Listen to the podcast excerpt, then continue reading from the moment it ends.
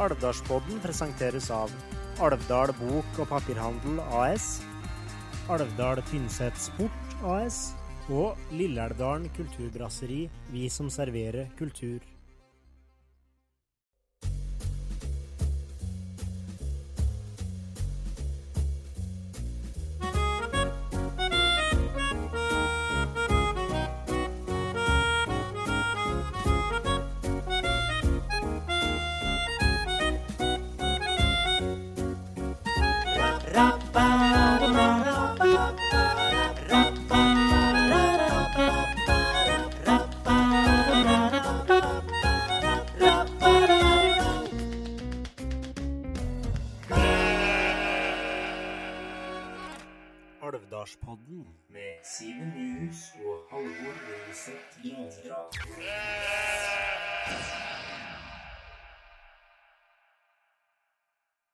Hallo, hallo, og hjertelig velkommen til en ny episode av Alvdalspodden.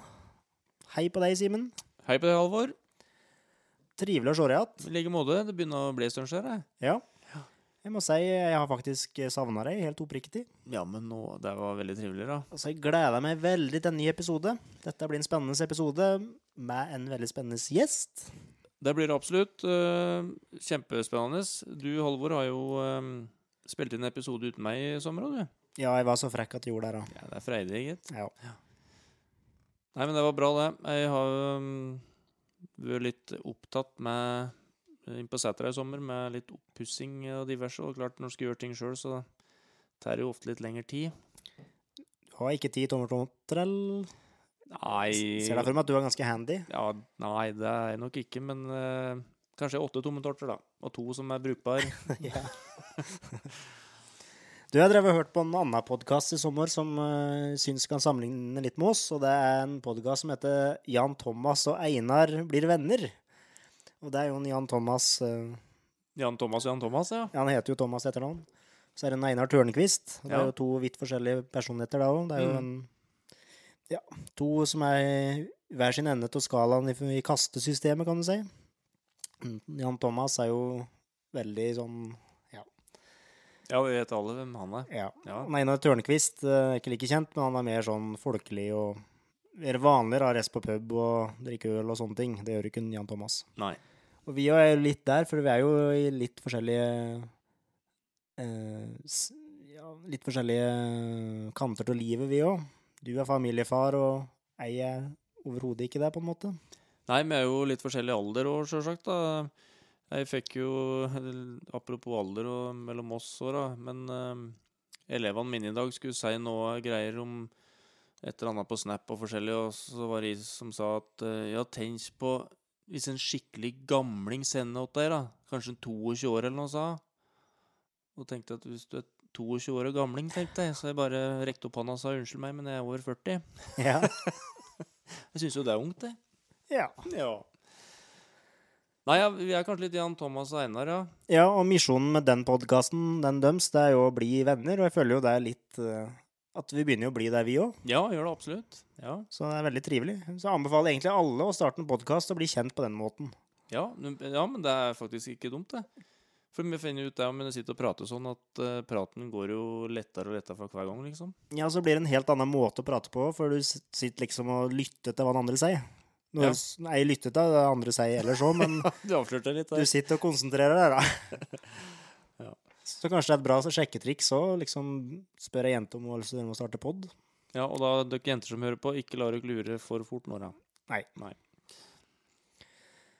Yes, eh, vi skal ha en spennende gjest, ja. Vi skal ha Hedvig på besøk etter hvert. Eller vi er vel på besøk av to på Stein hotell. Ja, vi skal på Stein hotell. Jeg gleder meg skikkelig til å se inni der. Det gjør jeg òg. Og i senere episoden her så får vi høre litt om eh, Kan Hedvig sikkert male litt bilder for oss åssen eh, prosessen har vært, og åssen det ser ut litt nå og sånn, så dette blir skikkelig artig. Ja.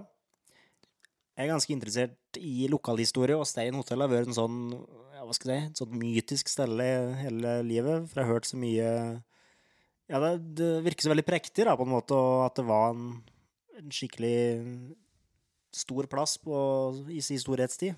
Et hotell som trakk veldig mye folk. Ja, Det var nok det. Og så Jeg husker da jeg var ung, så drev vi og gikk inn der noen gang, og det var jo absolutt ikke lov, selvsagt, da. Men så bodde Det må ha vært mor hans Embret Mellesmo, kanskje, som bodde i den der eh, stua der. Jeg tror det. Og var om å gjøre så ikke hun skulle se oss, da, for hvis hun da kom av og ble med jagd, ja. Ja. Så jeg tror jeg prøv, prøvde bare to ganger, men det var jækla spennende, husker jeg.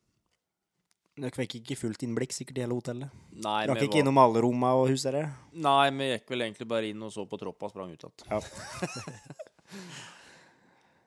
ja, nå eh, har jo været sled om litt, da, Simen. Det blir jo mer og mer høst. På godt og vondt. Har du hatt en bra sommer? Jeg har jo hatt en bra sommer. Jeg har drevet inn på setra veldig mye. da. Mm. Uh, hadde veldig god hjelp av far min å pusse opp der. Uh, det har jo vært sånn innevær egentlig i juli. Men jeg har vel vært enig om det, de fleste oppi her, at julien har ikke vært noe sånn super sommervær. Det er den mest oppskrytte måneden i hele året. Ja, egentlig er det det. Og så var det jo en klassiker som vanlig da, at når skolen begynte på igjen, og der var elevene våre enige i at Se, nå skinner sola, gitt, og kjempevær. Ja. Ja, da. Men eh, nei, det var en grei sommer, det. Absolutt. Enn du, Halvor? Jo. Eh, jeg har vært så dum at jeg har tatt ut ferie i juli i år igjen. Det gjør jeg hvert år, og det skal jeg slutte med nå, for det Nei. Skuffende sommer sånn sett. Ja. Og så ble sommeren litt annerledes enn det jeg hadde tenkt. For eh, Ikke at jeg skal gå mye inn på det, men jeg ble singel rett før sommeren, og da ble liksom alle planene lagt, eh, lagt i grus, og da måtte jeg finne på noen nye planer. Så da ble det litt sånn å våkne hver dag og gjøre det som en fall Ja, fikk for seg sjøl, da. Så jeg kjøpte noe med kajakk, og brukte den litt. Det har jeg fortalt før på poden her. Og så ble det litt fjellturer, da. Og så har jeg spilt litt og Ja. sånne ting. Det er grei sommer, det. Men nå, eh, det var godt å komme i gang til å begynne å jobbe. Ja, e- det er egentlig det, altså. Når eh, jeg har jo god og lang lærerferie, eh, men det er faktisk godt å begynne å jobbe igjen. Avspasering kalte du det. Ja, det var ja, stemmer det. stemmer det, ja. Jeg hadde nå i hvert fall fri, da. Ja. Nei, så det er godt å begynne å jobbe igjen. Og apropos det med høst og kaldt, det må jeg bare ta òg nå når jeg først er der, da, at eh, vi hadde jo livberging på ungdomsskolen i går. Ja da, Drøk. Ja, ute i Glomma. Og om jeg våknet den morgenen da, så var det én grad og tåke ute. Så det var friskt. Og elevene påsto i Miven at det var definitivt ikke kaldt. Det er ikke vi voksne enig i. For det var kaldt, ja. Eller friskt, da. Så nå stoler du på elevene dine, at hvis du detter i vannet en gang, så kjenner de å igjen? Ja, den var utrolig tøff. Ja. Ja, det imponerte alle oss voksne, altså. Det må jeg si. Hvem var det som hadde læringa der? da? Var det dere lærerne, eller var det noe, noen som var livreddere? Eller? Nei da, vi, vi kjørte, vi kjørte opplæringa sjøl, ja. Ja. Vi gjorde det. Så, og det var ingen som druknet, som vi måtte ha gjort noe riktig. Du var en David Hasselhoff, da Christian Dahlen var Pamela. Ja, akkurat sånn. det er Typisk. De ser meg og Christian, så tenker de meg som den karen og han som dama. Ja, jeg tenker det hver gang. Ja. Ja. Her kommer en David og Pamela. ja. ja, ja. Nei, altså Vi har jo nevnt det før, men vi skal jo starte med to episoder nå da, hver måned. Og de skal inneholde litt forskjellige ting. Det skal liksom ikke, vi skal ikke ha to gjester i måneden, for det blir litt mye. Så det blir én episode med en gjest, og så blir det en annen episode med litt mer spalter og litt mer sånn artige ting, da. Litt mer sånn ja, lettyggelige ting, kanskje. ja, og den episoden blir kanskje litt kortere, sa du kanskje? Ja. Mm. Jeg sa jo det med den episoden jeg hadde med Martin nå, at det ble en kortere episode, men det ble jo ikke. Den ble jo like lang som, en, som den pleier å være. Ja. Men det er rart mer når først praten begynner å gå, så går tida fort, altså. ja, han gjør det. Absolutt. Eh, så har vi jo oppdaget at det er en Judas i bygda. Ja. En med samme navn som deg. Navnebror til meg, ja. Og det er forholdsvis nærslektet Tommy Årsjø. Enn deg, ja. Ja, ja. Ja. Ja, det er en Simen Stein. Ja, nå har vi bare hvis Simen, hvis du hører på, da Jeg håper du gjør deg selv om det er Judas, da. Så er Vi har en pod med òg, altså. Ja. Vi har det. Men nå har han jammen meg godt å være med på en annen pod, han. Ja. Jegerpodden. Jegerpodden, ja. Og så så jeg dette da på For det kom opp i feeden min på Facebook at uh, Simen Stein skulle være med i en episode, så måtte jeg inn og sjekke ut, da. Og da var det bare en sånn teaser på en minutt eller et eller annet. Så tenkte jeg ja, men var det ikke en lengre episode? Hadde han ikke mer å fortelle, Simen? For jeg kjenner han Simen er jo han er noe Det er ikke noe vanskelig å få i prat, han heller. Nei, nei. Men da var det jo sånn, det måtte være en sånn patrion, da, som det heter, at du er en abonnent som betaler for å få høre hele episoden. Så jeg gjorde ikke det, da. Så jeg hørte bare en Simen lite grann. Ja. Så hvis dere lurer på hvem Simen sier, av dere som hører på, så kan dere dra opp i Mona og Det er ikke verre enn det. kaffeåten da, vet du, og spør. Ja. Snakke med han bare. Eller er det bli med på Gunderlagtrua at Ja, eventuelt. når Ja. jeg begynner på igjen, så Ja. får jeg hørt litt da òg. Ja. Det er sånn jeg kjenner stort sett, da. Men da, Jegerpodden eh, må bare si det er en veldig bra pod for dem som er interessert i jakt. da. Ja, mange Der- som hører på den. Ja, og det passer jo Simen. Han er jo halvvis interessert i jakt, vil jeg påstå. Ja, han gjør da ikke noe annet nå, ser det ut som. Nei. Han og Einar, som er en av bikkja som han har med seg. Ja, akkurat. Ja. Rensjakta har vel begynt nå, han det? Ja, begynte 20., ja. Mm. Har du pussa børsa og Du, jeg pussa børsa, børser, børsa, og jeg jakter jo ikke i fjor, så jeg har skutt opp igjen i år. Og jeg har jo noe renskort inne i Sørendalen da, på terrenget vårt der. Men jeg har ikke vært ved ennå, nei. Nei, Men det blir vel noen turer med noen kompiser i løpet av høsten, ja. det blir bra. Ja. Det er vel et høydepunkt for veldig mange. Ja, jeg er ikke sånn uh, veldig uh, supergira på jakt, men jeg syns det er um, jækla trivelig å gå i fjella, og da har du liksom unnskyldning for å komme deg litt ut, da. Alvdalspodden. Yes, eh, det skjer jo store ting i området vårt nå. Tynset eh, har jo lyst til å bli by. Ja, hva mener vi egentlig om det? Nei, jeg må flire litt. Egentlig så håper jeg det, for da får jo Norge en uh, ny en på førsteplass på Norges styggeste by.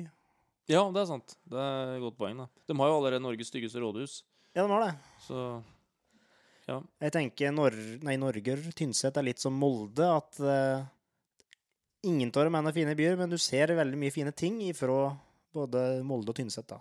Fra Molde så ser du Vestnes og Rekdal og Romsdalsfjella og sånn, og fra Tynset ser du Alvdal. ja. Så det er jo Det er jo pent, da, Ja. egentlig, vil jeg si. Ja. Jeg kjenner jo en del tynsetninger, og mange av dem er jo veldig trivelige, men det jo, de kan jo ikke noe før at de er født på Tynset. Nei, og det, det er veldig mye trivelige folk på Tynset. Det er det, altså. Men eh, det er ikke deres skyld, har jeg på å si. Nei, de har jo sikkert vært påvirket oss Antagelig. Jeg litt tror det. Altså. lenger sør her. Jeg tror det. Nei, men eh, tyn, altså, vi er jo kalt Tynsetbyen. Det det er jo morsomt bare. Så ser de jo jeg på Tynset òg, vet du. Ja, i hvert fall i stasjonsbyen. Ja, i hvert fall eh, rundt eh, stasjonen, ja. Så mm, kan hende bystatus bare er liksom Et skalkeskjul, jeg tror jeg. Ja, det er kanskje Nei, det er jo Nei, Tynsetbyen, eh, altså Du klarer fint å holde pusten gjennom Tynsetbyen, og da er du ikke stor i byen. Nei, det er sant, det. Men hørte eh, Vi hadde besøkt han Erlend Kvittum Nyteren, er det han heter? Han eh, litt unge kommunerepresentanten på Tynset. Ja, stemmer. Han var på ungdomsskole her en dag, og han hadde foreslått uh, gågate i Parkveien, han, sa han. Er det det? Ja, og det er jo, da blir det jo by da, med egen gågate. Mm. Jeg syns egentlig det var et godt forslag, å få litt mer bilfritt i sentrum. Det tenker jeg litt på på Alvdal her òg. Det var en fin eh, bru over til noe jeg har lyst til å ta opp, og det er da at eh, Jeg vet før, når det var prat på at eh, ja, Steia kan bli bilfritt, så tenkte jeg herregud, kan jeg ikke det? Noe så tungvint.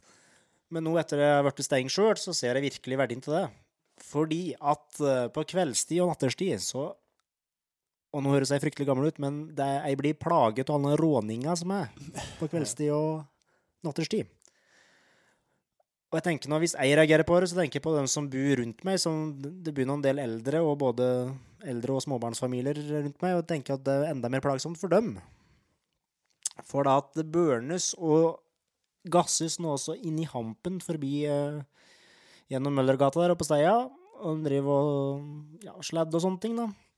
Og det vil jeg ha slutt på, for at jeg tenker at eh, hvis det er så stas å vise seg fram, så må det gå an å kunne vise seg fram mens det er lyst òg. Ja, mens folk kan se det, liksom. Ja, da har du et enda større publikum. Ja, enig i det. Så for meg altså, virker det som at uh, råninga det er på en måte Viagra med fire hjul. Det er for at de skal ja, imponere det andre kjønnet litt. Da, og, og jeg skjønner jo at ungdommen er glad i fart og spenning, og sånn, men det fins mange andre måter å gjøre det på.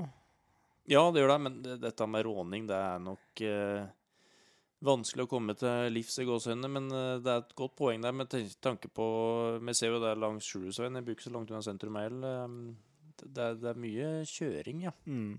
Det er veldig mye kjøring. Jeg husker en episode jeg bodde på Skjulhus sjøl, bort på, bort på Skjulhustrua. Og da skulle jeg kjøre på jobb en gang, og så kom jeg ned i Fintenkrysset. Og der kommer det en på en sånn eh, gator, da. Gjennom der på vinterstid, så det var glatt. Så han kom liksom sleddende rett foran panseret på meg. Og jeg skvatt jo sjølsagt, for så han jo ikke i det hele tatt. Og han bare kjørte videre og lot som, som ingenting. Men det skal ikke så mye til før det skjer noe, da. Nei, det, Og i går kveld òg, så var jeg ute og mosjonerte litt.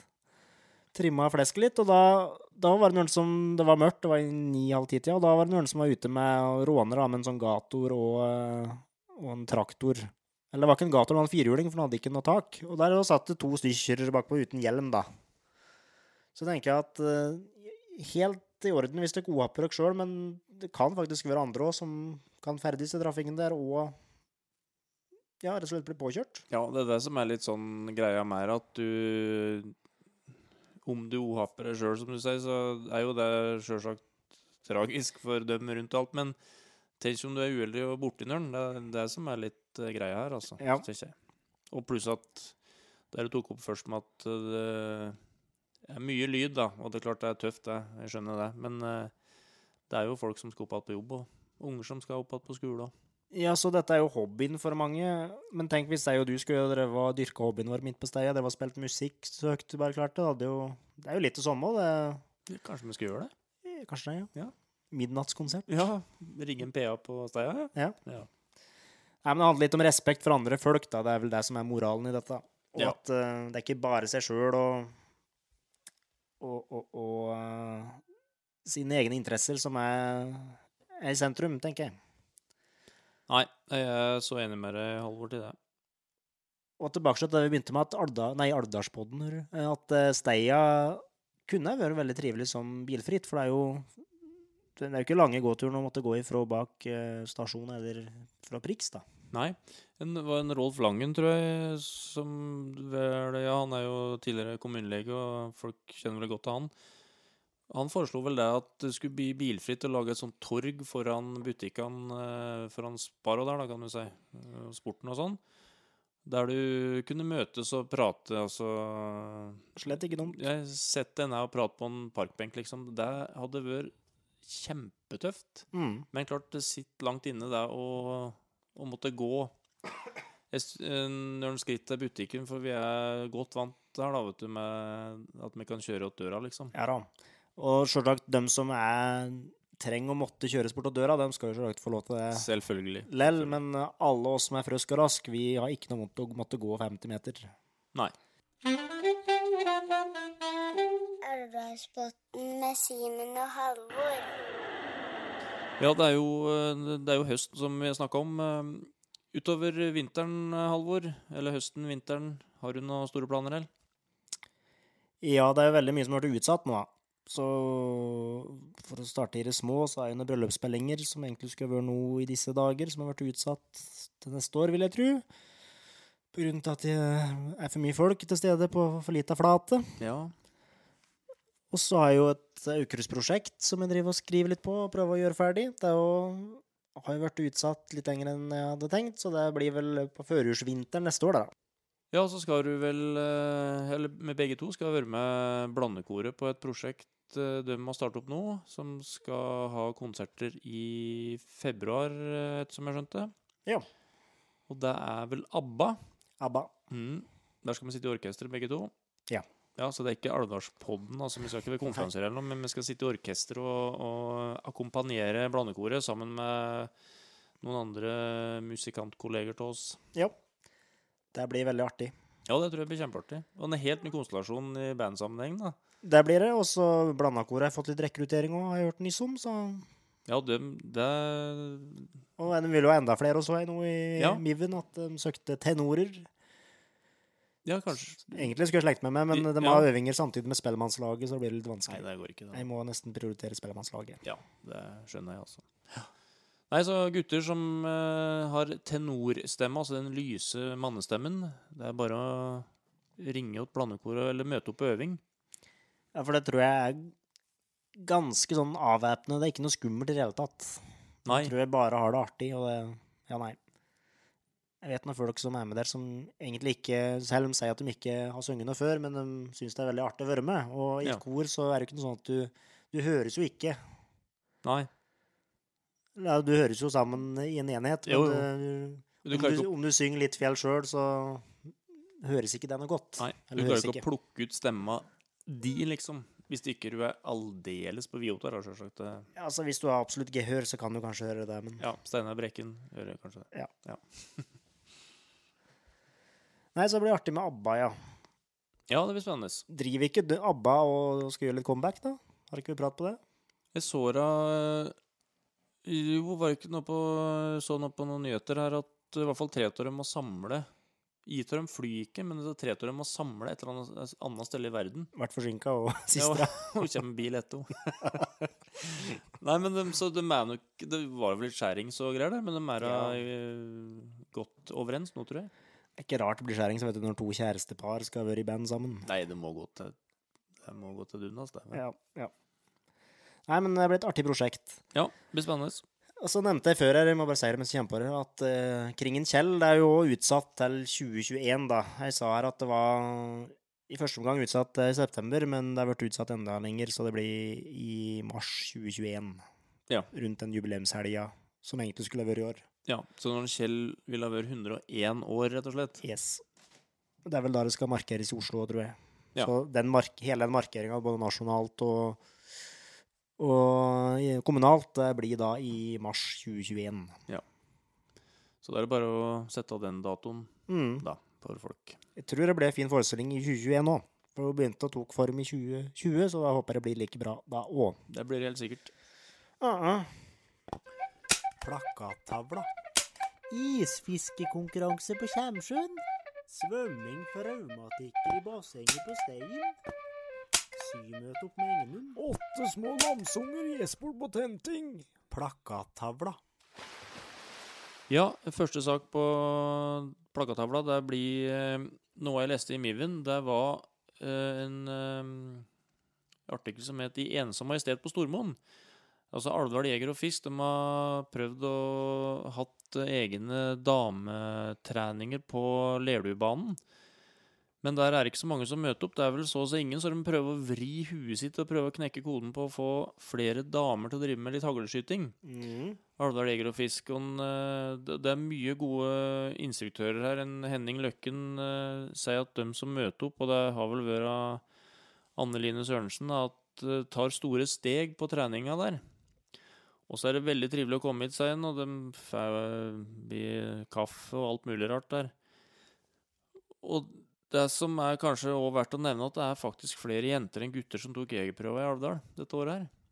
Ja, det har jeg bedt meg merke til når det var noen saker på Miven om Ja, det, ja. Så han lurer litt på hvorfor de ikke kommer, og, og prøver å fortelle at det er veldig lav terskel, og det er å komme og bare skyte litt og ha det koselig, liksom. Det er ikke noe Du trenger ikke å skal treffe 25 duer av 25, liksom. Er, nei, er det det at de tror at det er farlig, da? Eller at det er en veldig rekkehyll i hagla, eller åssen? Ja, eller om at du Det kan jo være litt sånn som det er på Friskliven på Alvdal, at vi ønsker å få flere Jeg sitter jo i styret der, ønsker å få flere med i Friskliven. Ja. Men så er det folk som sier ja, jeg skal bli med, så jeg må bare trene litt først. ja, sånn, ja. Ja, men jeg tenker at du, du, du trenger ikke å være i toppform når du skal sette deg på spinningsykkelen, f.eks. Nei, ja. Så det er litt sånn men det kan være litt der at de tror liksom at de må være Eller det gjelder ikke bare damene, det gjelder jo alle uansett. Men jeg tenker jenter og damer, og for så vidt karer, og det, møte opp og skyte på Lerdu, det er veldig artig. Jeg er ikke noe god på det, men jeg syns det er litt artig for deg. Ja, det er jo det. Nei, så det er en fin oppfordring ja, at uh, jenter sjekker ut lerdueskyting. Ja, absolutt. Og spør Henning Løkken hvis dere lurer på noe om det. Han er ivrig på banen der, vet jeg. Ja.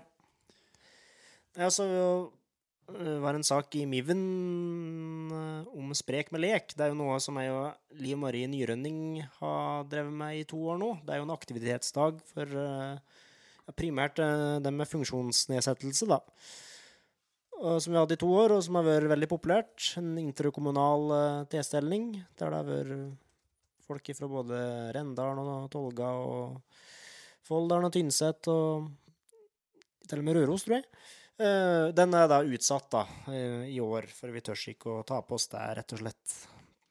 Nei, det er jo koronasituasjonen som Nei. er. Så vi håper å komme sterkere tilbake senere, og håper at vi kan eh, prøve å få til et arrangement før neste september, da. Kjempebra tiltak for øvrig.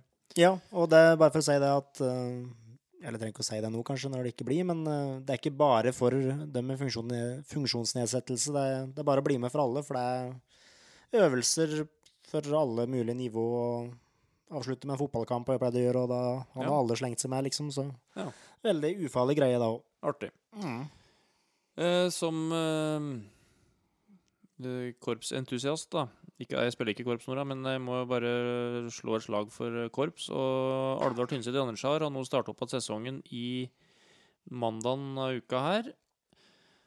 Og det er altså på Kulturhuset på Tynset de øver eh, mandager klokka 19.30, står det her på Miven. Jeg trodde de begynte før, men det er kanskje halv åtte. Så har du vært med i korps en gang og har gått tom for hobbyer å drive med nå, så er det bare å finne fram at instrumentet, eller så er helt sikkert Oddvar Tynset Andersar behjelpelig med å skaffe instrument hvis du har lyst til å prøve på at å spille litt. Absolutt. Og det går òg an å Hvis du vil ha komme opp øvre deg litt opp først, så er det sikkert mulig å spørre noen, eller kanskje ta en Svein Hjelten Bakken i kulturskolen om å få noen timer på et eller annet instrument. Nå var du inne på det med å trene seg opp før en går på frisken. Nå Jo, jo, men du deg i døra. kan jo greit å i hvert fall sjekke at det er lyd, da. Ja. Nei da, men uh, korpset er i underkant av 50 medlemmer nå. Det er, når eh, det spilles, så blir det, det bra trøkk i Alvdal Tynset, altså. Mm. Så det er jækla artig å være med og spille.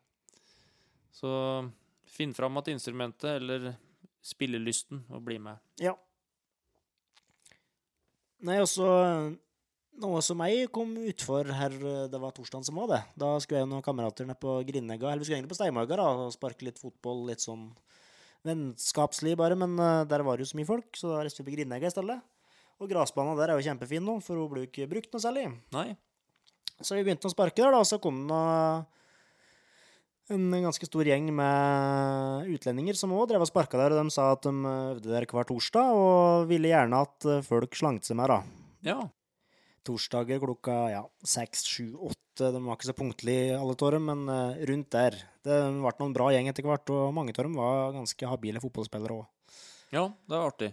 Nei, jeg spilte jo kampene på det Grinegga når eh, jeg spilte på Yngres, liksom, og da var det jo nesten som en grusbane å regne, vet du. Var gras liksom rundt cornerflagget, for der var det få som sprang. Ja. Men nå er den jo så grønn og fin som Jeg kan ikke huske å ha sett den, tror jeg. ja, nei, det er rene Wembley der nå. Ja.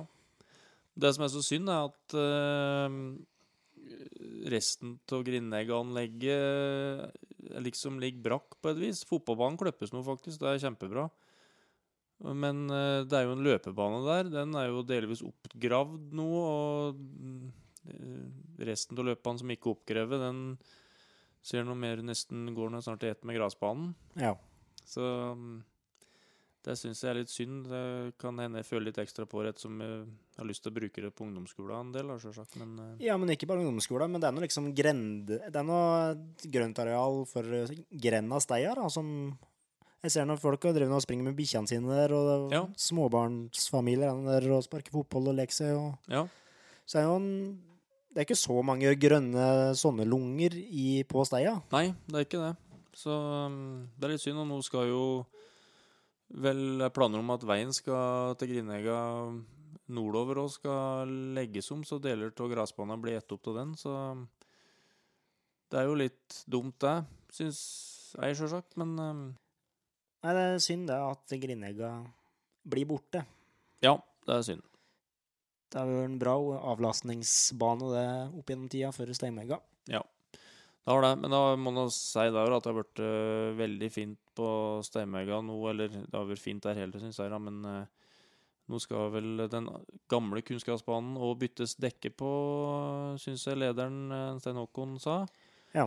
Så det blir jo et vanvittig anlegg oppå der etter de bygde på klubbhus og sånn òg, så det er flott oppe på altså. Det Ja, det. det kan snart ta store lag dit og trene nå. Ja, faktisk. Eller det er ikke så lenge siden Ranheim og Hvem var det de spilte mot? Kongsvinger, var det? Kongsvinger var det de spilte, ja. Det var en kamp jeg kunne tenkt meg sett, men Ja. det var vel ikke lov. Nei, og de fikk skryt. De skrøt av banen, skjønte jeg. Ja. Så det er bra. Så kan jeg jo nevne det at uh, på Katmoen så begynner det å bli en ganske stor ansamling med ved att. Så er det sikkert uh, Folk trenger vel ved etter vinters i år òg. Så reis på Katmoen og kjøp veden oppå der. Da støtter dere en god sak. og så brukerne, TFF-brukerne som driver på der, er gørflinke, og de gjør en kjempejobb sammen med Rune og Anne-Marit. Så støtt opp om dem. Ja, nå er det jo eh, veldig mye farverike plastdunker rundt omkring på Alvdal. Ja, Ja. Jeg fikk jo ikke min før i går, jeg. gjorde du ikke det? Nei, jeg måtte klage, for jeg så alle rundt meg hadde fått. Og så da, men den ble levert i går, da. Så jeg var jo smart nok da til å bestille meg en Ola dørplass. Bygde sånn slags uh, mjølkerampe, søppelskuer, postkassestativ åt meg her for et par år siden. Ja. Det ble eh, knallfint. Men det hadde du ikke til høyde for at det skulle inn fire Nei, selvsagt ikke. der. Så nå har jeg garasjen full da. Nei, men hvem syns om så plastdunkene? Er ålreit, det? Du, jeg syns de, eh, de matcher noe fint med huset mitt, i hvert fall. Ja. Men så Jeg er skjønner, litt usikker på praksisen der, jeg òg. For jeg, så det kom noen eh, kom en bil med en haug med plastdunker og leverte borti nabolaget mitt i går òg. Og så trefte jeg en eh, Per Dalåsen i dag, eh, for han bor jo oppe i nabolaget mitt. Og han sa da at han hadde fått lov til å flytte at de oppe i sånne nye leilighetene der, da. Ja. Så eldreleilighetene hadde fått lov til å flytte dunkene sine ned til ja, på andre siden av veien for meg der, og Ja. sette der. Ja. Og det er jo enig i sånn at de, skal, sånn at de slipper å gå og drasse seg dunkene opp og sette på et samlingspunkt liksom lenger opp i bakken der, for det ble tungvint om vinteren og sånn. Ja, ja. Men uh, det sto jo liksom i det skrivet at eh, nei, de skulle eh, settes på leveringsdag, De de stå der de ble levert første gangen. Så jeg må sette sett det bortpå der, men akkurat nå så er den stående på nedsida av huset, da. Så jeg skal, skal jeg prøve meg på en liten spansk en og prøve å la dem stå der, bare. ja, du kan prøve det. Men klart du er såpass ung og sterk, Halvor, at du klarer å dra noe på det her. Det er ikke sikkert dem som jobber for IAS vet det. Nei, det vet de ikke. Det vet de ikke. Så du må holde deg innendørs. Men ja, nei, det er ikke noe problem for meg, og det er én dunk du skal dra om gangen, da. Jo da. Jeg har ikke noe stor husholdning med søppel, jeg, så Nei, men Det kan bli spennende å se åssen eh, det blir med sorteringa for folk. For det er klart eh, Ja, ikke for å sette mor og far min i et dårlig lys, men de har ikke akkurat eh, Jeg tror ikke de har sortert så voldsomt opp igjennom. Det har vært eh, Vi kan vel kalle det mye rest, antagelig. Ja. Så det skal bli artig å se åssen sorteringa blir. jeg gleder meg For litt, det. Ja. Vi har drevet og sortert lenge med, så det, liksom, det skal gå greit. det. Jeg har gjort det i litt småskala, ja, men jeg gleder meg egentlig til å liksom For eh, det det skjedde meg med siste året. Jeg har blitt mer sånn miljøbevisst sjøl, uten at jeg egentlig har blitt uh, hjernevaske på noe vis eller noe som helst. Nei, Men jeg har liksom litt tatt tak i meg sjøl og ja, prøve å kildesortere litt. Ja. Føles litt urbant òg, vet du, å drive med sånt. Ja, så får du fryktelig god samvittighet. Ja, det gjør den. Absolutt. Nei ja, fine dunker. Mm.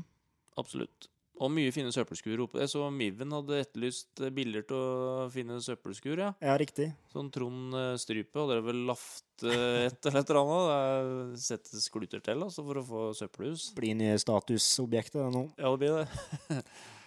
Tesla Tesla ut, søppelskur er inn. Ja, sånn er det. Nei, tronen sitt var veldig pent, da. Det er billedtåret på Miven.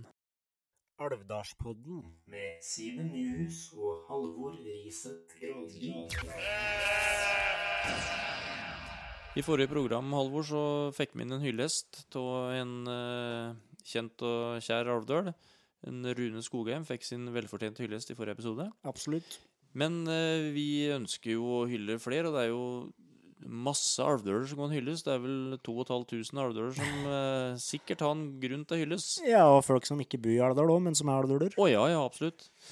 Så send gjerne inn eh, mail til oss eh, hvis dere har Nørnøk vil hylle. Eh, mailadressa, Halvor, er Den er alvdalspodden at gmail.com. At, altså alfakrøll for dere litt eldre.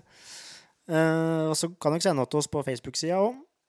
Og det er ikke skummelt å sende en hyllest. Det kan være anonym og ja, hylle den dere vil. Ja, og jeg tenker, sende inn hyllest. Det er jo bare positivt. Ja. Så det burde være eh, rimelig ufarlig. Altså Er det noen som dere syns fortjener å bli snakket godt om, så send inn. Dette er faktisk noe jeg har begynt å gått og tenkt på liksom i det daglige livet mitt, er at eh, jeg skal bli mye flinkere til å framsnakke folk og gi folk ros og sånne ting. Ja. Og det er litt på grunn av spalta her, for det ja, nei, det er en fin ting. En boost, står det. Ja, han gjør det, og det, det, det, det trenger ikke å liksom eh, si opp og si nei. Det er bare det å få tre-fire positive ting. Det gjør noe med en, altså. Ja.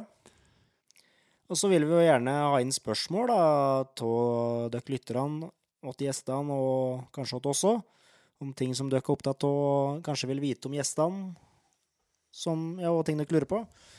Så send inn, ikke vær redd. Nei. Og ting dere ønsker vi skal snakke om i poden nå, eksempel? Ja, innhold. Dere, Ja, ja. det, dere er jo en like stor del av podkasten, dere som meg og Simen, så ja, hjelp oss å skape denne, og form denne podkasten her. Og vi, det er jo Nøren som har sendt inn noen spørsmål til gjestene våre, da. Så Ja da. Nøren, det er jo litt i gang, liksom. Men postkassa er ikke full, så det er plass til mye mer. Å, det er plass til mye. Da skal vi over til spalta vår Dagens hyllest.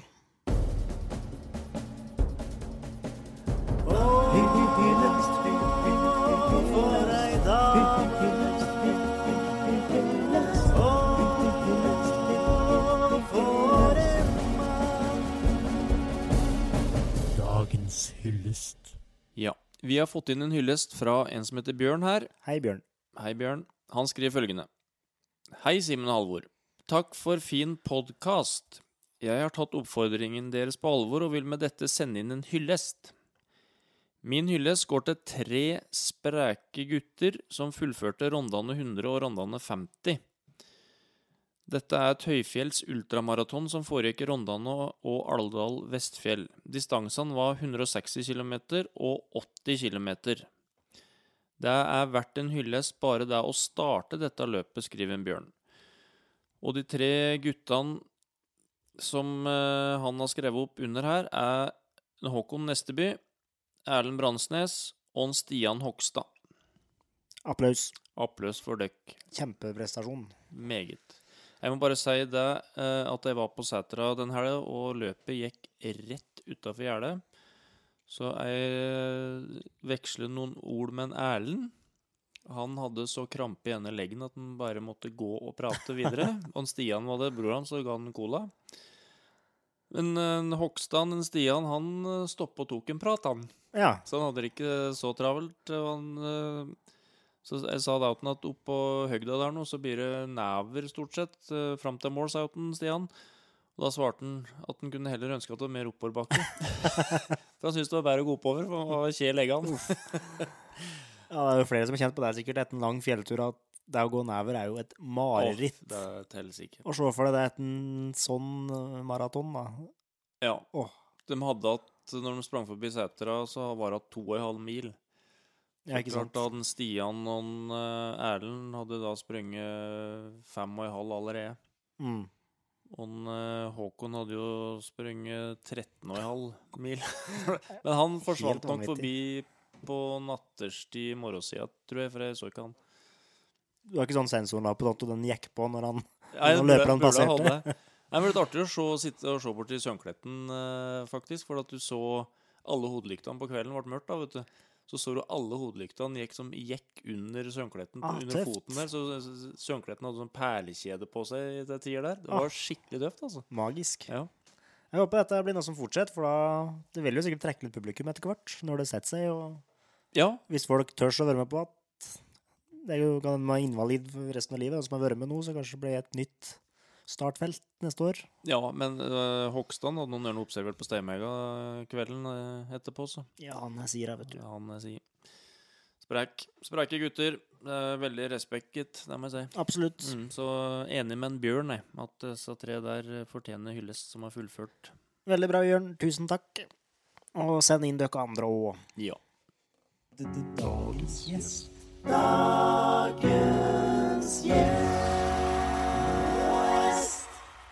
Ja, men da skal vi over til eh, dagens gjest, Simen. Ja, det skal vi. Eh, vi har vel nevnt det tidligere i sendinga at det er Hedvig Poppe som er dagens gjest. Mm. Og nå sitter vi godt plassert midt på steia, vil jeg si. Ja. Det får en si. Ja, Ser rett bort på Stein hotell. Veldig koselig, det. Ja. Vi må kanskje forklare litt av hvor vi sitter hen da. Eller det kan jo Hedvig forklare litt. eh, og Hvilket hus sitter vi i nå? Vi sitter i annekset som ligger ved siden av hotellet når vi er her, og når vi jobber med hotellet. Mm. Dere har pussa opp ganske bra her òg, Ja, som jeg Her ser. er det pussa opp. Det er ett rom som ikke er, det er gjort noe med, og der har jo dere vært inne nå. Eh, Det bemalte rommet med landskapsmalerier og Ja. ja. Skikkelig, skikkelig østerdalsstue. Ja, det var veldig fint. der. Det var malt i 1897, var det ikke det det sto på veggen her, tror jeg? Ja. Veldig fint. Nei, og vi skal jo touche litt innom sjølsagt Stein hotell, da. Men vi kan jo begynne litt med deg, Reidvig. Hvem er du? Jeg er eh, eh, 51 år. Datter av Knut Poppe, som Mhm. kjøpte hotellet for ja, nå begynner det å bli en del år siden. Jeg tror det er over ti år siden. Um, og jeg bor på Nesodden sammen med Steven, som også skal opp hit etter hvert. Mm. Og der bor jeg med to gutter. Og datteren vår, hun er flytta ut. Hun Ja. bor på Ås. Så ja. Og vi bor Ja, det sa jeg vel, at vi bor på Nesodden. Når eh, flytter dere offisielt oppover her, da? Nei, eh, Alfred, han yngste sønnen vår, han skal få lov å gå ut til 10. klasse. Så, men jeg reiser jo mye opp og ned ved Oslo-Alvdal. Ja. Eh, så, så vi regner jo med å, å starte opp eh, rundt ja, vår, vårparten eh, neste, neste år. Ja. Så vi er, vi er i full drift eh, neste sommer, altså. ja. Bare så det er Så da går det an å sette seg i hagen her og kjøpe seg en is og Det gjør det, og folk kan sette seg i hagen nå også hvis de har lyst. Ja. Så øh, ja. Barnehager, hva som helst, bruk den. Det er virkelig en oppfordring. Det er trivelig å høre. Nei, vi har jo, jeg tror hele Alvdal har gledet seg veldig til at det skal åpne bortpå her etter hvert. Det huset vi var inn på Ja, vi er jo på en måte litt seternaboer, da, eller hva man skal kalle det, inne i Sørendalen. Ja, absolutt. Og, eh, ja, og for en del år siden så var det snakk om at jeg og Marte skulle gifte oss snart, og da var han Knut veldig ivrig. Ja, men da har vi festen i eh, hotellet, og Hedvig, du sa jeg kan servere, sa du. Men det er da fire år siden, så nå, nå er det bra det skjer. Ja, eh, jeg tror jeg har lovet meg bort sånn et par ganger. Men eh, ting tar tid, altså. Og, det er noe med Én ting er håndverkere og at de må eh, bruke den tiden det tar, men, men det handler jo også om å få en drift i gang. og Hvilken profil vi skal ha, og ja, alt, alt av inventar. og Det er veldig mye som skal på plass, rett og slett. Ja. Så skal du ikke vel inn at med litt gamle materialer og sånn nå? Det er, liksom bare, det er jo ikke bare å rive ut uh, det gamle og inn med nye ting heller. Nei, og, men samtidig så er kanskje det aller eh, største arbeid Eller det blir litt sånn feil å si, men det er et, det er et gammelt hus, men med veldig mye ny teknikk. Ja. Og jeg har jo tenkt å vise dere rundt etterpå, og da tror jeg dere vil bli ganske overrasket over det tekniske rommet. For det eh, For eksempel så hadde ikke hotellet bad. Uh, og med bad Vi har valgt, eller far har valgt, sammen med arkitekten har valgt å, å ha et lite bad på hvert rom. Og da må du ha ventilasjonsanlegg, du må ha røreopplegg Altså det er, eh, og for ikke å snakke om elektrisiteten. Mm. Uh, ja, det er, det er utrolig mye som Ja. skal inn i dette huset. Uh, og, og ikke bare sånn av tekniske årsaker, men sånn sikkerhetsmessig er det også utrolig mye man må tenke på. Altså Mm. i forhold til brann, branndører, eh, overrislingsanlegg. Altså det er ufattelig mye eh, regler som man må forholde seg til. Og som er viktige når man skal ha mange som skal overnatte Ja. i et gammelt hus. Men eh, du sa det ble et bad på hvert rom. Hvordan du- For det, før var det bad på gangen, sikkert? Eller sånn felles? Ja, det var ett. Så vidt jeg husker, så var det ett uh, bad. Uh, det der vet far eh, bedre enn meg. Men, men det var i hvert fall ikke bad på rommene. Altså det var, og det var uh, um, vedovner. Det kan man ikke ha nå. Og Nei. det var vaskevannsfat, rett Mm. og slett. Sånn som vi, i hvert fall jeg, er vant til fra hytter og sånn. da. ja. Men nå er det jo mye dusj på hytter òg. Men, eh, men eh, vi fant ut at eh, nei, nå Og nå er vi jo litt glad for at vi har puttet dusj på hvert rom eh, i forhold til korona og hygiene. Altså det kommer til å bli en helt annen um, Jeg tenker at det, det er viktig for folk med Ja. hygiene, rett og slett. Men størrelsen på rommene blir Den ble jo da litt mindre. Ja, men det er plass til folk. Ja. ja. Ja da. Så, men vi, vi tuller noen ganger med at uh, vi må se på buksestørrelsen til folk.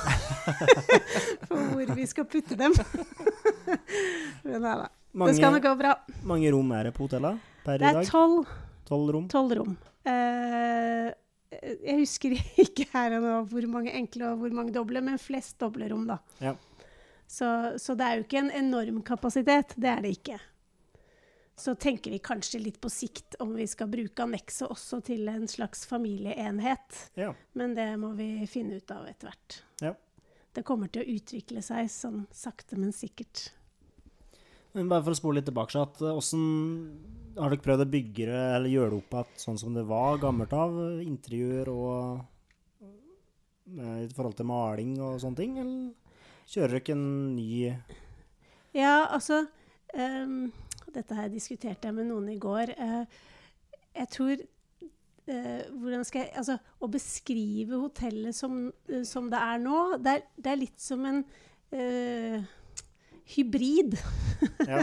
Og litt som jeg tenker bygda har vært Altså at du, du har det gamle, eh, og så har du litt nytt, som du kanskje har kjøpt fra byen, eller noen litt sånn nyere, fine ting. Mm. Men samtidig så beholder du litt sånn eh, bondestil, da, Ja. kall det det. Og så tar du til deg nye ting som kommer underveis. Altså, eh, det er absolutt en miks av eh, nytt og gammelt. Pluss den nye teknikken, da, for vi er tross alt i 2020. Ja. Så det er ikke et museum. Eh, og huset var i en ganske dårlig forfatning eh, når eh, far overtok det. Så, så gamle tapeter og sånn var i såpass dårlig stand at eh, tapeter er nye, men i en gammel stil, da. ja. Hvilket år var det far din kjøpte hotellet? Jeg mener at det er elleve år siden. Ja, det kan stemme Kan det det, stemme? kanskje? Ja, jeg lurer på om jeg har lest noe om det på Miven, ja, at det var noe sånt. ja. Ja. Det fry føles fryktelig lenge siden. i hvert Ja, det går veldig fort. Ja. Og jeg må innrømme at jeg har jo ikke vært involvert så veldig lenge. Nei. Uh, dette har vært en gradvis prosess, og jeg hadde jo ikke tenkt at jeg skulle flytte hit. Men så har det, uh, man blitt mer og mer involvert. Og både Sti altså Steven, min samboer, da, han er jo arkitekt, og jeg har jo kunsthåndverksutdanning og kulturarvsutdanning. Så, så plutselig så begynte vi å mene litt. Og så ble vi sakte dratt inn i det, og ble jo mer og mer involvert etter hvert. Ja. Og så modnet nok tanken om at ja, kanskje vi skal prøve oss. Så vi har ikke vært involvert ja, kanskje halvannet år. Så, for vi har, har egentlig hatt det veldig fint, og har det veldig fint der hvor vi bor. Ja. Så du får det veldig fint der òg, Ja, det tror skal jeg jeg. det tror jeg. Ellers ville jeg ikke gjort det. Men du sa noe om utdannelser, og Du, du er, det er liksom ikke innafor hotellfaget, skjønner jeg? Nei, overhodet ikke. Nei. Faktisk, Steven har mer eh, hva skal jeg si, bakgrunn der. For hans, han er jo fra England, fra Syd-England.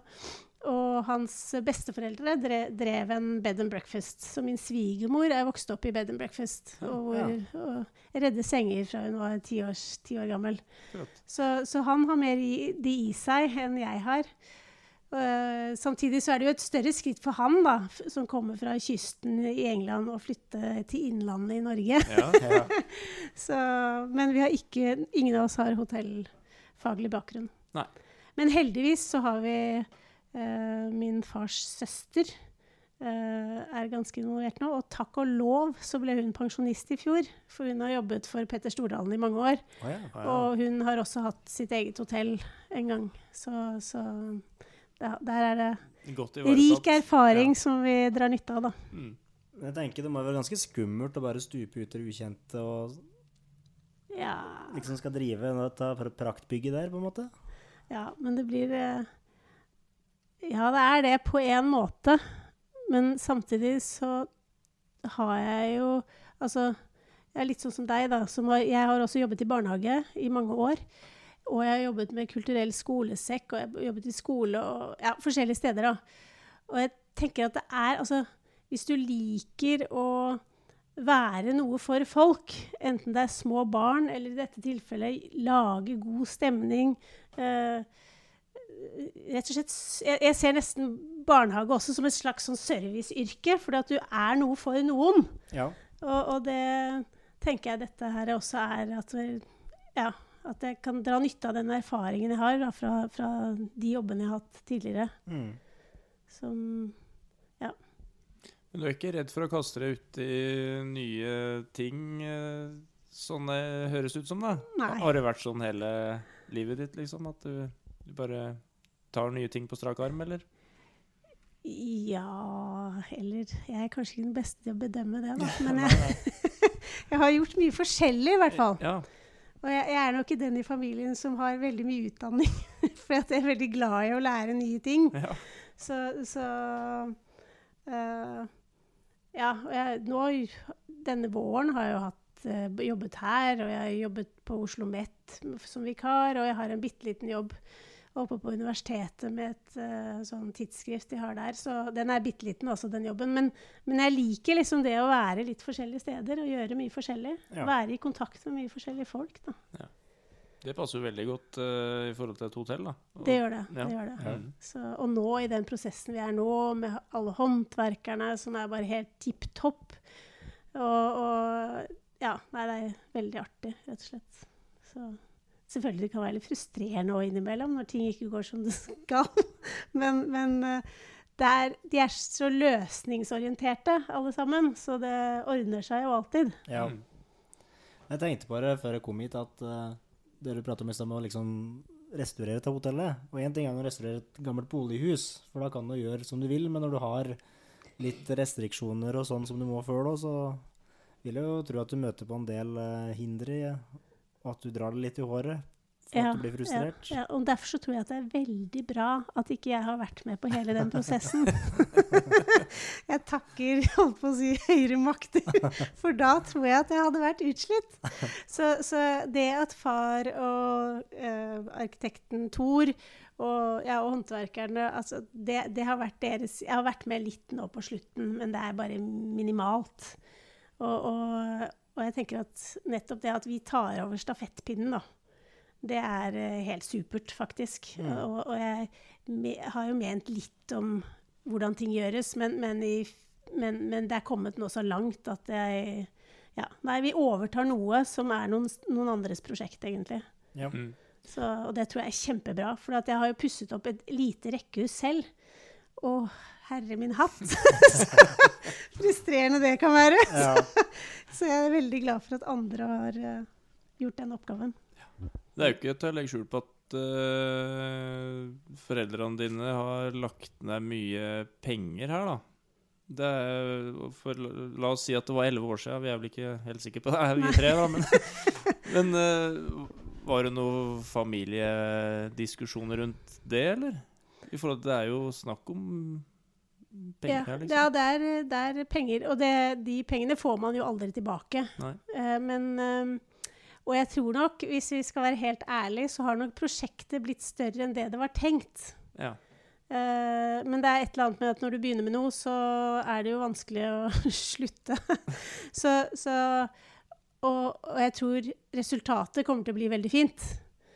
Uh, men, men det har nok blitt større enn det, og det ser vi jo nå på uteområdet også. At eh, vi var så heldige å få lekestuen, ikke sant. Og så Oi, så står den der, og så skal du ha det fint rundt den, og så ser du plutselig på det ved siden av, og så er ikke det så veldig fint. Altså, så hele tiden så forflytter du deg så langt grensa går, da. Ja. Men, men, eh, og sånn kommer nok dette her til å være Altså, det er, en, det er et hotell som kommer til å være under utvikling hele tiden. Da. Mm. Så, så, men det har vært lite Altså, eh, som sagt, dette her er mine foreldres prosjekt. Ja. Så, så ja, de Og jeg har jo vokst opp med en far som Jeg kan jo ikke huske at han har sittet mye i ro. Og jeg tenkte på det her forleden, så mye tid nordmenn bruker på å liksom bygge ting for å slappe av. Altså, ja. Enten det er plattinger eller eh, ja, hva som helst, av verandaer eller sånn. Men jeg kan ikke huske at faren min liksom har gjort eller har sittet i en sånn hvilestol noen gang. Han har alltid hatt prosjekter, alltid liksom ser han et hus altså inne i Bakkfjellet også. Han har jo vært veldig opptatt av å holde ting ved like og levere det fra seg på en, på en ordentlig måte. Mm. Så, så og, Ja, han har alltid arbeidet fysisk når han ikke har vært på kontoret. Så, så han er veldig glad i å Og jeg tror nok dette huset her Jeg kan jo ikke huske dette huset, for at vi dro fra Oslo og inn i Bakkfjellet. Altså, vi var innom Dæhlie og kjøpte mat, men vi var jo sjelden på Steia. Ja. Så jeg kan ikke huske dette huset så veldig godt. Men, men far, for han har det vært et hus som han har sett på hele tiden, og som han har sett har blitt i dårligere forfatning, da. Ja. Så, så jeg tror nok det der å få dette huset bare reist på nytt, eh, det har vært en stor glede for han. Ja. Nei, det er jo en fantastisk gave til bygda, Mm. eh, det her. Det tror jeg alle Alvdøler er enige om. Altså. Det er jo Ja. helt utrolig flott å se hotellet fra utsida nå. Ja, det blir fint. Og, men det var jo Bane Nor, så vidt jeg husker, i hvert fall, som begynte på en måte bøtteballetten. da, For da de satte jo i stand stasjonen, og, og det viser jo litt hvor viktig det er å holde ting ved like. Ja. Mm. Og, og at vi ser det flotte vi har rundt oss, da. Ja, Åssen er dette? Er Steia Norges eldste stasjonsby? Ja, den er i hvert fall veldig unik. Ja. Det, det Det har er jeg noe som gjør at den skiller seg ut, ja. ja. Ja, og det er veldig viktig å ta vare på, Mm. faktisk. Det der lille, flotte, intime senteret som er her. Ja, man ser jo det Hvis en blar i noen gamle bøk og ser på gamle bilder, så er det jo mange av bygningene er jo bevart ganske bra. Sånn som Priksbygg og, Mm. og stasjonsbygninga og Jensenhuset Jensenhus og Så sentrumen er jo ganske godt ivaretatt. Ja, det er det. Nå driver vel Jensenhuset og synger på siste verset, da, men Ja, den eh, En liten oppfordring der ute. det står jo litt i veia for meg, da, for jeg bor jo rett bak det og kunne gjerne tenkt meg jeg hadde utsikt. Men Så du vil rive dem? Ja. på en måte ja, og på en måte nei. Nei, Vi skal se litt eh, Det er ikke sikkert dere har planlagt så mye enda om det her, Hedvig, men sånn planer for hotellet når det åpnes, da? Er det noe Er det helårsdrift? Er det mot konserter, selskaper? Har det vært Vi skal definitivt drive helårsdrift. Ja. Det er målet. Og det kommer sikkert til å være Eller ja, helt sikkert kommer til å være sesonger. Altså, og, og lavsesong, høysesong, Mm. forhåpentligvis. Um, og så må vi først og fremst bli gode på hotell. Altså det, det er liksom pri nummer én, da. Og så eh, tenker vi på arrangementer, altså sånn livsløpsarrangementer. Type dåp, bryllup, Ja. begravelser. mm. Og så arrangementer, eh, små intime arrangementer, ja, konserter. Ja. Ja. Men vi må selvfølgelig tenke på hvordan dette kan eh, bygges sammen med hotelldriften. Da. Altså at de gjestene som Når det er såpass lite hotell, så tenker vi at gjestene forventer en veldig sånn personlig eh, kontakt med de som jobber der, og at vi må selvfølgelig være tilgjengelige for våre gjester. Ja. Så det blir en sånn balansegang da, mellom hvor åpent man skal være ut til allmennheten, og hvor, hvor um, I forhold til eh, da, hotelldriften da, og, og, i, og i kontakten med gjestene. Ja. Men jeg er sikker på at dette her kommer til å gå seg til og å utvikles underveis, akkurat som si, uteområder og alt annet. Mm. Men først og fremst må vi bare bli gode på den eh, hotelldriften, da. Og så er mat og ja, alt det der som må, må inn, da. Som, ja. som uh, vi må finne eksperter på.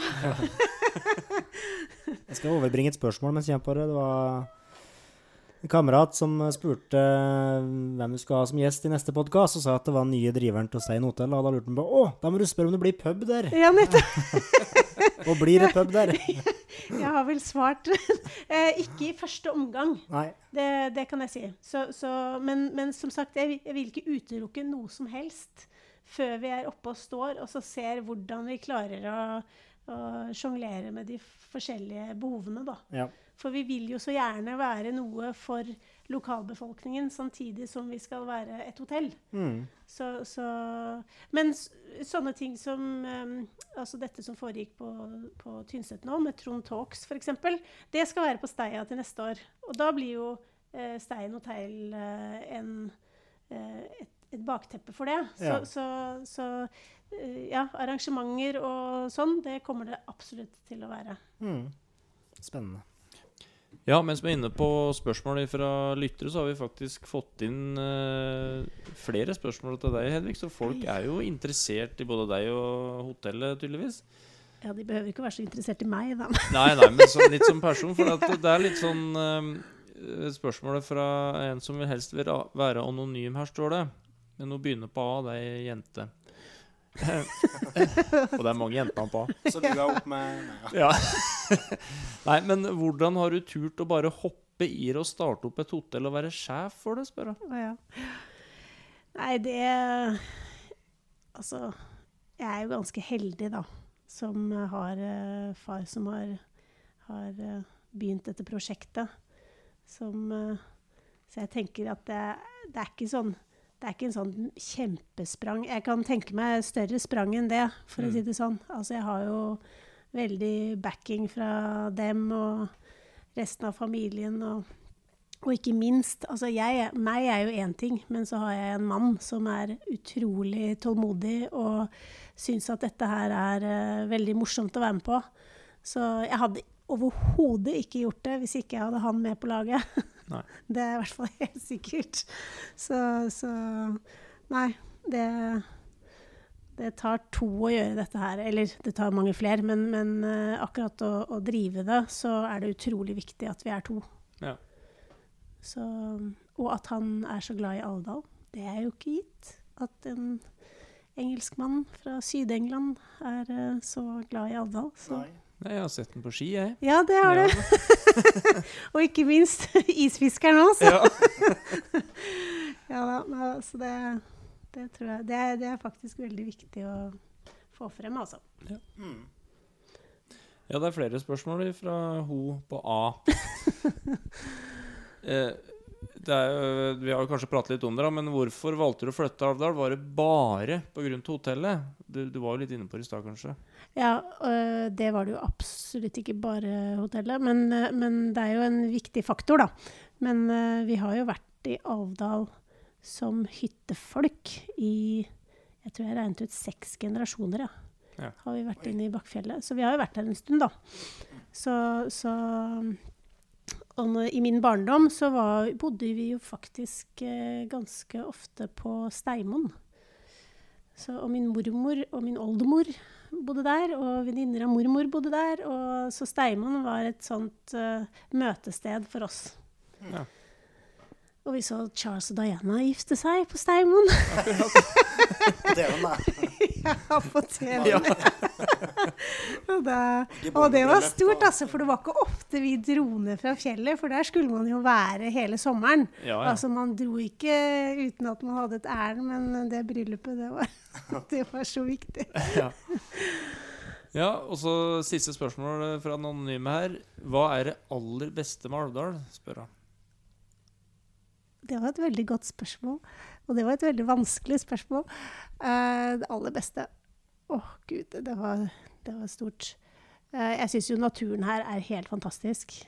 Um, virkelig. Eh, og det er en natur som jeg føler meg, føler meg veldig nær, da, i og med at jeg har vært her eh, fra barndommen av. Mm. Um, og så må jeg jo si folkene, da. Ja, det setter vi pris på. Ja, det vet jeg.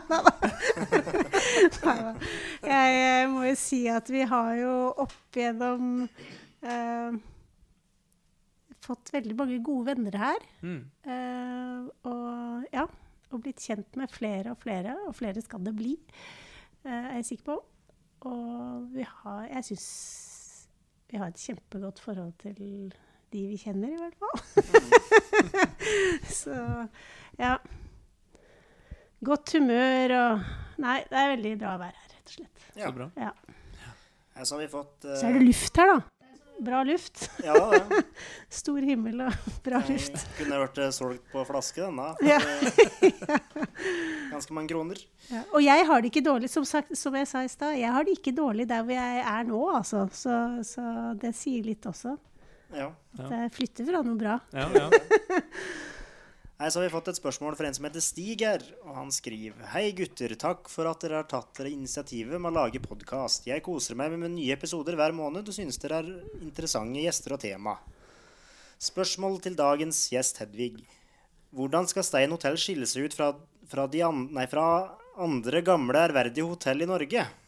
Ønsker deg, ønsker deg og resten av familien masse lykke til. Hilsen Stig. Og tusen takk, Stig. Um, hvordan vi skal skille oss ut, det, veldig, det er også et veldig godt spørsmål. Um, hvordan vi skal skille oss ut vi, Altså, jeg tenker oss uh, Ja, som et historisk hotell, men også som et moderne hotell. Um, og jeg håper jeg håper jo, jeg, vet, jeg har ikke bodd på så veldig mange hotell. Jeg har vel aldri bodd på et historisk hotell. så jeg vet ikke helt hvordan det skal skille seg ut. Men jeg håper vi skal i hvert fall være et, et godt sted å komme til. Og hvor uh, vi som vertskap da, skal ta veldig godt imot folk. Og du skal sove godt og spise godt. Og at hagen Eh, de få dagene du kan sitte i denne hagen. Det er veldig fint å se ned på hagen da, fra rommene i annen etasje, så jeg kan virkelig anbefale de rommene som vender ut mot hagen. Um, men jeg håper det blir uh, Jeg håper vi skal få til uh, fine arrangementer og være et møtested, et godt møtested, rett og slett. Mm. Um, ja. Og hagen er jo Altså, vi Inne er det jo håndverkerne som holder på. Men hagen gjør jo vi helt selv.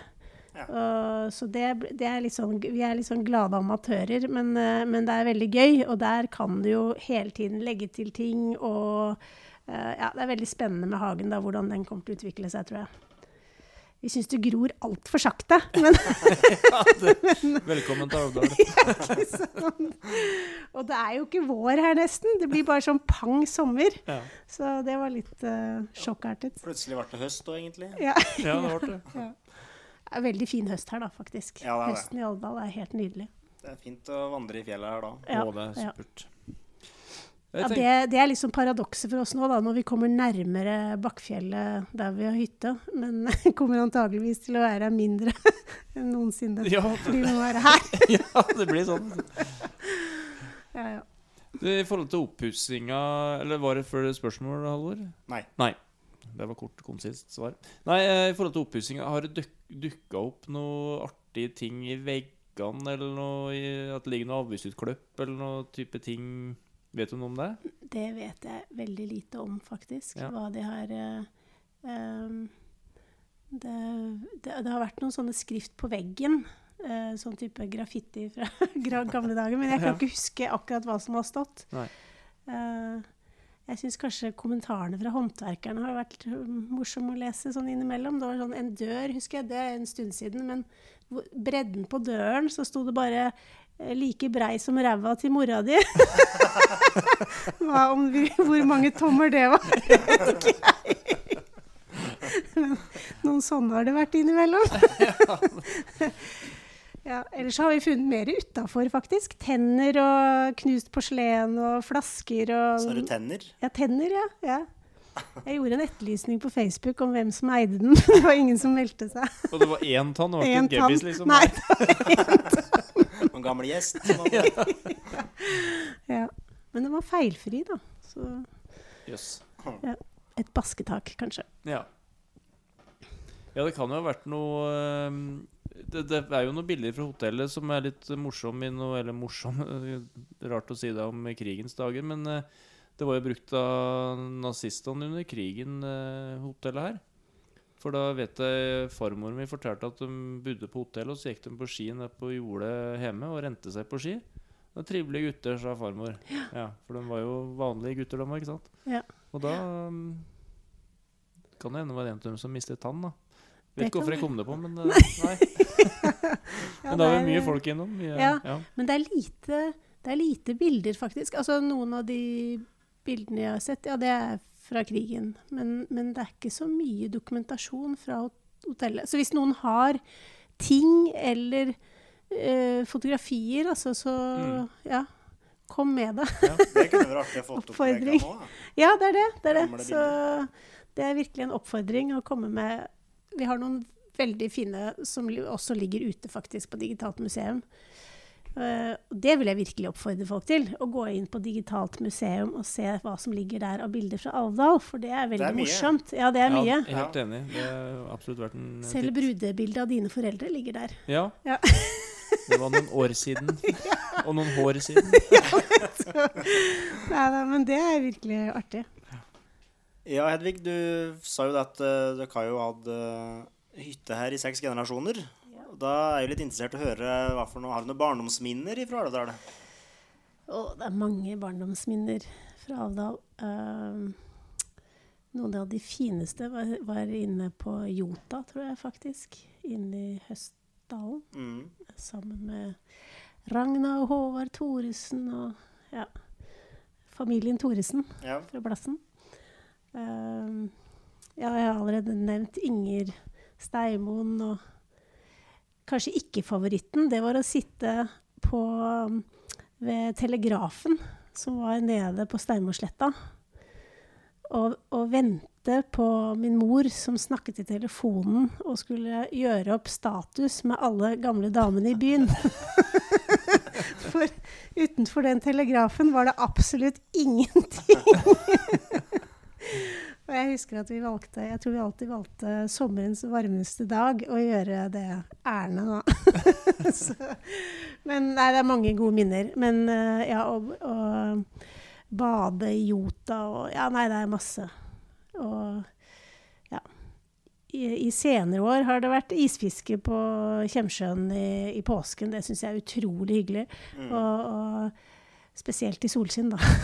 men, eh, men der møter du også veldig mange lokale som jeg tror har stor glede av å fiske der i påsken. Og vi driver alle og gjemmer bort hva vi får på isen nå. det er litt sånn Har du fått noe? Nei, ikke noe særlig. Så ligger det kanskje fem fine røyer under liggeunderlaget. Men eh, nei da. Vi holder helt kjeft. nei, det er, eh, det er masse det er- Nei, fine minner både nå og, og langt bakover. Men uh, det har vært et samlingssted for familien alltid. Mm. Så det er vel det at man uh, møtes til uh, samme tid hvert år. Og ja, vi møter jo vår Sølendalen-nabo som sitter her i påsken. Så nei da. Veldig mange gode minner herfra. Det er noe av det koseligste jeg ser, sånn som i jula på påska, og se alle hytteturistene som kommer tilbake år etter år, liksom. For det Ja, Ja. Da, da blir den jo litt varm om hjertet, for da skjønner jo det at det er flere enn meg som syns at det er fint i Elvdal, på en Ja, måte. ja. Folk som bor eh, kanskje i Oslo eller Og ingen pakker påskemat som Astrid Dæhlie, altså. Det bare sier jeg. Nei, hun var råd på det. Å, fy søren. Det er Dæhlie-butikken. Er sånn skikkelig påskebutikk. Ja, ja, det, hun er helt suveren. Ja. Og det Nei, hun er helt, helt utrolig. Rett og slett. Ja. Det er bra. Ehm, eh, vi snakker jo om Alvdal og sånn. Ehm, I forbindelse med hotellet, så du hadde noen planer, så har du, har du knytta noe bånd si, til noen lokale aktører? Sterke bånd. Jeg syns jo Opplev Alvdal gjør en uh, suveren jobb, da. Uh, og jeg tror det har vært veldig godt besøkt, nettsidene i sommer. Uh, så der håper jeg jo at jeg kan bidra etter hvert. Og der er jeg blitt kjent med ja, eh, Maren Solvang Solvang? Solvang, Solvang, ja. ja. og Audun, eh, Sykkel-Audun, og eh, komponist Glenn, og ja. Og Kristian Dalen, og ja. Så det er mange gode krefter som arbeider sammen om at eh, Alvdal skal bli et eh, turistmål, rett og slett. Mm. Så, og det er jo det som er så fint med Alvdal, da. At det, altså nå under korona da, så er det jo mange kommuner som har satset eh, på få kort. Altså enten det er turisme eller andre ting. Men, men Alvdal har jo et så utrolig variert næringsliv til å være en så liten bygd. Så, så turisme er jo bare en del av det. Men det hadde jo vært veldig hyggelig om eh, flere ønsket å besøke Alvdal i ferien sin. Ja. Så, og, og det turist... Eh, hva skal jeg si eh, Tilbudet, da. eh, er jo også veldig variert. Så mm, det syns jeg er veldig morsomt å kunne være med på å bidra kanskje ørlite grann da, til at eh, folk skal i hvert fall få sove godt når de er her. Så ja. Det jobbes jo òg med å legge ut noen nye hyttefelt på Østkjølen, vet jeg. Det er jo litt, et spennende prosjekt, tenker jeg. Og, kanskje Alvdal kan få litt flere hyttefolk òg. Ja. For å lage mer liv i sentrum, i, kanskje spesielt påske og den type høytider. da. Mm. Tenk på det at uh, Dette er jo historie jeg har hørt én gang, og det er ikke sikkert å stemme helt sånn som jeg forteller nå, men var det ikke snakk på at før de etablerte skianlegget Trysil, at Alvdal var et alternativ? Med Trondfjell og Tronsvangan og Men så var det vel noen grunneiere som ikke hadde lyst til det, der, sånn at det ikke ble noe av. Ja, det, det har ikke jeg hørt før, men det kan godt Jeg mener jeg hørte det, men det er ikke Ja. sikkert det stemmer. da. Men hvis en ser for seg det, da. Tenk Ja, ja. hvordan Alvdal hadde vært da. da jeg syns ikke Trysil Søstera mi har hytte der, og jeg syns ikke Trysil er en sånn givende plass sånn i sentrum på Trysil. Nei, kanskje det var bra det ble som det ble, Ja, jeg tror på en måte. det. Ja. Det tror jeg. Ja. Unnskyld, Mona Murud. Du skal ikke prate dritt om Trysil. Selv om innimellom så kunne de nesten ha stengt veien til Tronsvang-lia, for der er det supert å ake, altså. Ja. ja, enig. Skulle hatt ake, norgesmesterskap i aking. Ja. Alvdalspodden. Er det noe du ønsker å formidle til våre lyttere, Hedvig, Ja, som du nei. ikke har fått sagt? Eller? ja, Aner ikke hva jeg har sagt, egentlig. Men eh, nei, hva skal det være, da? Jeg håper jo at eh, vi kan bidra til noe positivt på Steia, da. Og så gleder jeg meg til å åpne dørene. For jeg tror det er folk, folk er spent nå etter å ha sett det utenfra i så mange år. Så blir det kjempestas å åpne dørene til våren. Og det er garantert. Det kan jeg garantere. Hvis ikke det blir helt koronastengt, da. Men det håper jeg jo ikke. Jeg gleder meg veldig til å kunne ta en uh, kaffekopp i stasjons... Uh, ikke stasjonshaven, men hotellhaven. Ja. Ja, eh, det tror jeg egentlig alle har burde glede seg veldig til. Ja. Mm. Så da håper vi at koronaen ikke er et tema, for så alle aldøler kan sette seg der og drikke kaffe. Å, det er for koselig. Jeg har over, lovet eh, Svein Olav Nymoen en halvliter i hagen, så det får jeg vel holde. Ja. Da hørte du det, Svein Olav. Ja. det skal han få. Da, Hedvig, du har lovt oss en liten omvisning på hotellet. Jepp, det skal dere få. skal vi- Det gleder jeg meg til. Ja, men da, Hedvig, vil vi takke for en veldig fin prat og en kjempefin eh, eh, omvisning. Ja, Dette blir kjempestas. ja det skal blir bli bra. Det blir offentlig flaggdag i Alvdal neste, neste vår. Ja, det Når blir det det. åpner her. Med frigjøringsverket, til Hamar med domkirkeruinene, frem til, til, til Elverum med klesfengselet, til Rena med kartongfabrikken, til Koppang med togbytte og 20 minutters opphold i restaurant, til fingerens danse på den ørvesle fluelorten som heter Alvdal, som ikke har noen ting de vet om, kanskje. Men én ting vet de vi har. Alvdalsbotn med Simen og Halvor.